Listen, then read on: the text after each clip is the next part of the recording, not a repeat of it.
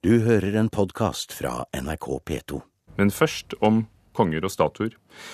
I mai 1814 var det folkefest i Paléhagen i Kristiania, i dag ofte omtalt som Plata, eller Christian Fredriks plass, som den egentlig heter. Det ligger nede ved den gamle Østbanen. Nå vil riksantikvar Jørn Holme gjenskape parken og plassere den planlagte statuen av Christian Fredrik nettopp der, på kongelig historisk grunn. Eh, I dag ser jo dette stedet ikke ut, egentlig. Det som var Paléhagen, det kalles nå Plata. Eh, og hele parken er jo asfaltert. Nei, det er ikke mye natur som preger området på sjøsiden for Oslo sentralbanestasjon. Men det er likevel noen lindetrær der som er passe kjærlig asfaltert inn, og som med tiden kan komme til å danne en ramme rundt en statue av Christian Fredrik. Norges konge noen måneder fra 1814, hvis riksantikvar Jørn Holme får det som han vil. Det var her Kristian Fredrik, som Stortinget valgte som konge 17. Eh, mai 1814, satt. Det var her han hadde sine politiske samtaler, hvor vi ser rester av hagen gjennom lindetrærne. Eh, disse lindetrærne er restene av vår første slottspark, og som er det eneste minnet igjen om paleet og som også er det eneste fysiske minnet igjen om at dette stedet var det viktigste stedet i Kristiania. Eh, knyttet til eh, vår selvstendighet eh, fra Danmark. Hvordan ser du for deg den nye parken, og hvor skal Kristian stå? Vi skal ikke ha for bastante meninger om hvor en statue skal stå. Der er det historikere og mange andre som har viktige aksjer. Vi har en rolle for et kulturminne, og denne parken er et viktig kulturminne knyttet til et kongelig anlegg. Nå er det en del kritiske røster eh, som eh, sier at eh, Fredrik fortjener ingen statue. Han melte egentlig bare sin egen kake. Har du noen tanker om det?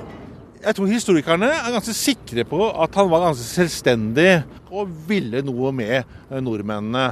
Men som konge i Danmark senere så er han ikke noe spesielt eh, demokratisk. Snarere tvert imot. Det han gjorde her i Norge i disse månedene, før Eidsvoll, etter Eidsvoll, under krigshandlingene i, på Østlandet sommeren 1814 og, og etterpå ved å faktisk gi fra seg tronen mot at nordmennene skulle i alle fall beholde sin grunnlov, det er historisk, og det må på en eller annen måte markeres. Og det var vår reporter Tove Kampestuen Heyerdahl som tidligere i dag fikk en liten omvisning av riksantikvar Jørn Holme.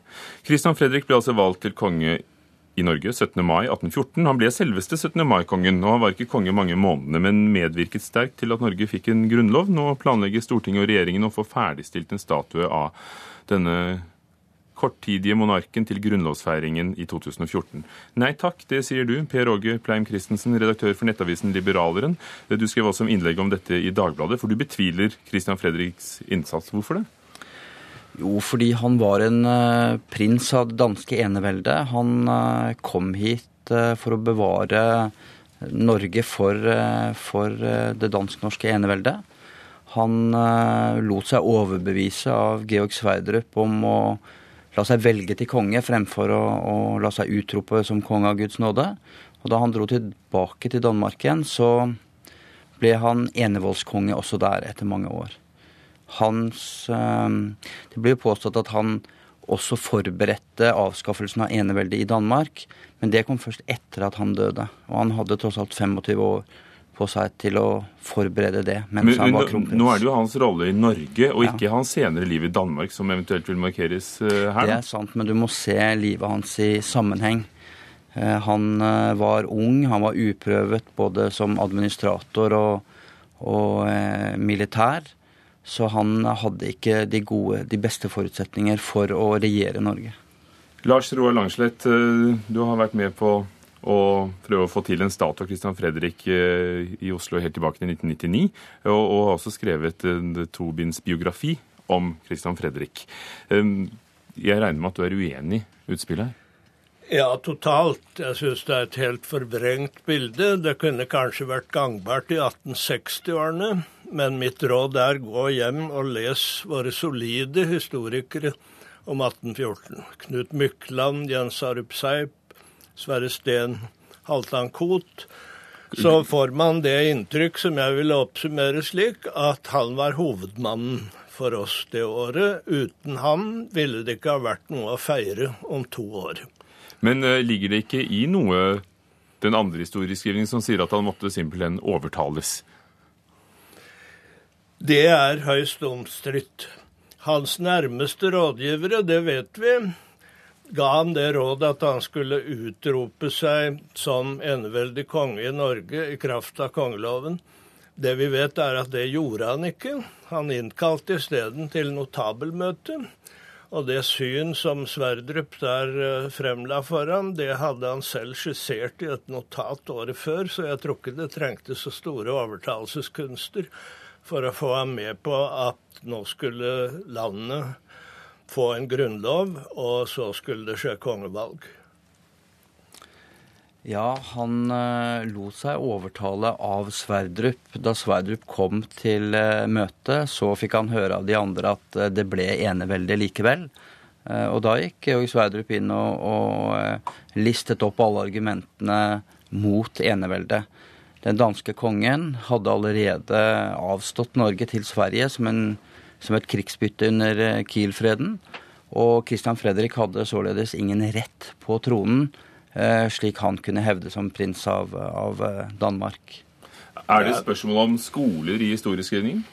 Nei, det er spørsmål om å ha studert dette, ikke ha studert det, og falle for gamle myter. Det, Georg Sverdrup hadde en viktig rolle på Eidsvoll og overbeviste kongen, som det heter.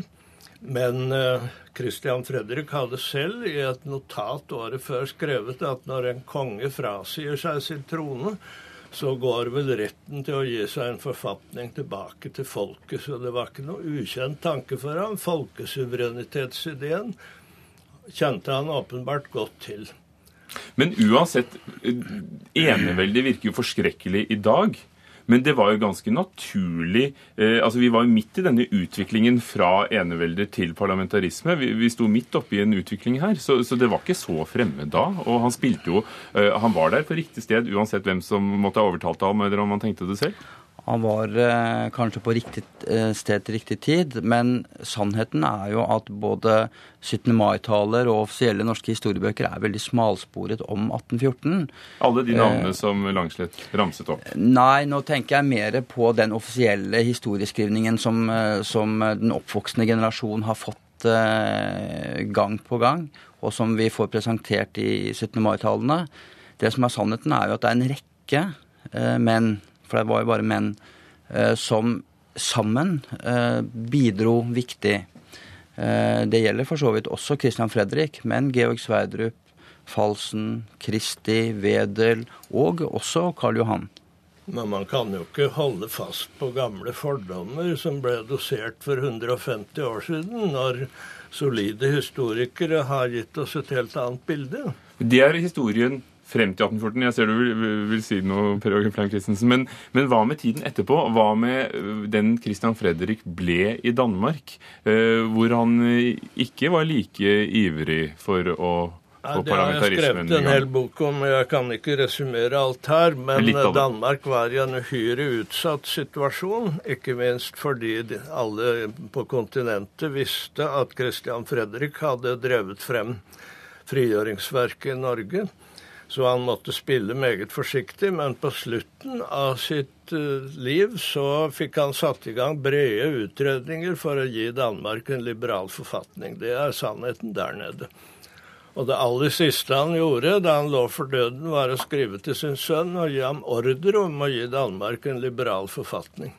Og det gjorde han alle som er på tampen av livet, vil eh, ganske sikkert være opptatt av sitt ettermæle når man er i en sånn posisjon. Han hadde 25 år å forberede seg på, og i biografien til Langslett så forsøker Langslett å, å gjenreise ham som et liberalt, radikalt eh, monument uh, i, en, i, en, tid hvor Europa var i en reaksjonær fase etter napoleonskrigene. Så du mener at Langslett har pyntet på ham på ettermælet? Er det jeg syns at uh, Langslett prøver å gjenreise Christian Fredrik i, i norsk historie. Jeg syns han har fått uh, bred nok plass uh, som han har. Ja, Det hele begynte jo i 1814 med at han ledet nordmennene til opprør mot Kielerfreden, som avslo oss til Sverige. Ingen leder i Norge kunne ha gjort det, og hadde noen forsøkt seg, så ville det klabbet sammen med en gang, som Sverre Steen med rette har skrevet. Og det var jo helt avgjørende for prosessen frem til Grunnloven. Og så var det Christian Fredrik som fikk gjort slutt på den avsindige krigen på sensommeren Karl Johan førte mot oss. Og fikk drevet igjennom med forhandlinger med stormaktenes støtte at vi skulle beholde hele grunnlovsverket. Men Karl Johan har vi statue av. Karl Johan bøyde bøyet seg. Han pendlet frem og tilbake mellom forskjellige oppfatninger av hva han ville, men hadde han eh, kommet til å eh, påføre oss et totalt militært nederlag, så ville vi jo ikke hatt et kny da, å si, så da kunne vi i dag vært fire-fem len i Sverige. Og derfor førte også Karl Johan en veldig human krig. Det er knapt noen her som noen gang har fått en så fått så strenge instrukser om å gå eh, pent og pyntelig frem. Så han fortjener en plass slottet han, der han eh, står? Han, statuen av han bør stå der den står. Vi kan ikke gå inn i alle spissfindighetene her, men er det bare er, er det bare plettfrie eventuelt konger, uansett oppfatning av, av, hvilken rolle de hadde, som historikerne skrides om og som dere debatterer om her? Men det står da statuer av slemme, slemme konger over hele Europa? Det gjør det, men eh, vi har, for så, vi har for så vidt eh, nok av kongestatuer. Vi burde reist en statue av Georg Sverdrup i stedet. Ja, vi har Karl Johan stående som, på, eller sittende på den eneste rytterstatue vi har hatt, på tross av at han erobret Norge gjennom angrepskrig han erobret ikke Norge. Men Christian Fredrik, det, som ledet frigjøringsverket for oss det året, der, har aldri fått anerkjennelse. Nærmest feide dere ut, og så kan dere fortsette diskusjonen utenfor. Uh, Lars Roar Langslett og for liberal, redaktør for Liberaleren Per Åge Pleim Christensen. Uansett hvor om allting er, Stortinget og regjeringen er i ferd med å få til en statue av Christian Fredrik til 2014. Du har hørt en podkast fra NRK P2.